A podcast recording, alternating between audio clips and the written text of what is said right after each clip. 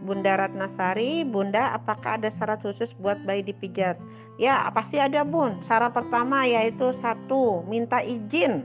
Ya, kenapa? Karena pada saat kita memijat, kita menyentuh tubuhnya ya bayi itu punya dirinya sendiri kita hormati tubuhnya gitu jadi syarat yang pertama adalah sebelum kita memijat kita minta izin sama bayinya ya sampaikan misalnya anaknya namanya Baim Baim hari ini dipijat dulu ya sayang ya ya. Yang memijat itu siapa? Misalnya Bunda Ratna. Ya sama Bunda ya yang pijat ya sayang ya. Semoga pemijatannya membawa Baim semakin sehat. Nah jadi pertama adalah minta izin gitu. Kedua yakinkan ruangannya. Ruangannya hangat gitu ya. Ruangan hangat ya.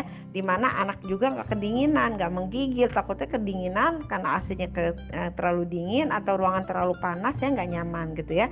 Dan yang paling penting adalah waktu bermain pun ya. Waktu anak lagi santai lagi bermain gitu. Jadi jangan sampai pemijatan bikin trauma untuk si anak. Jadi pada saat kita memijat kita harapkan memijat itu ditunggu sama si anak gitu ya karena ini saya mengalami beberapa um, kasus ya di mana di pasien-pasien saya dari nol bulan rutin ya sampai sekarang umur lima tahun itu karena memang udah rutin dipijat ikatan ikatan bondingnya kuat banget ya bukan sama ibunya sama terapis baby spanya gitu ya karena ya itu di mana kita pada saat kita memijat ya bukan membuat trauma untuk si anak tapi membuat sesuatu ditunggu ya sehingga anak itu selalu e, merasakan manfaatnya ya salah satu adalah kasih sayang ya.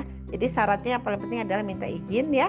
Kedua yaitu waktunya ya, jangan sampai waktu tidur ya, tapi waktu bermain dan uh, yang paling penting adalah ruangannya juga hangat. Oke, Bun? Ya.